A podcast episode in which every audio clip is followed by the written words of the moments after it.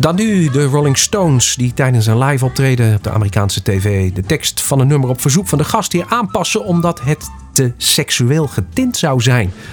Het gaat hier om eh, het liedje Let's Spend the Night Together. Op 15 januari 1967 treden Mick Jagger, Keith Richards, Brian Jones, Bill Wyman en Charlie Watts voor de vijfde keer in hun carrière op in die Ed Sullivan Show. Ze zingen twee liedjes, Ruby Tuesday en Let's Spend the Night Together. Op verzoek van de presentator Ed Sullivan verandert Mick Jagger voor het preutse Amerikaanse publiek de tekst in Let's Spend Some Time Together. Nadat Ed Sullivan het enthousiaste publiek dringend verzoekt het theater niet te slopen, kondigt hij de Londense band aan. Here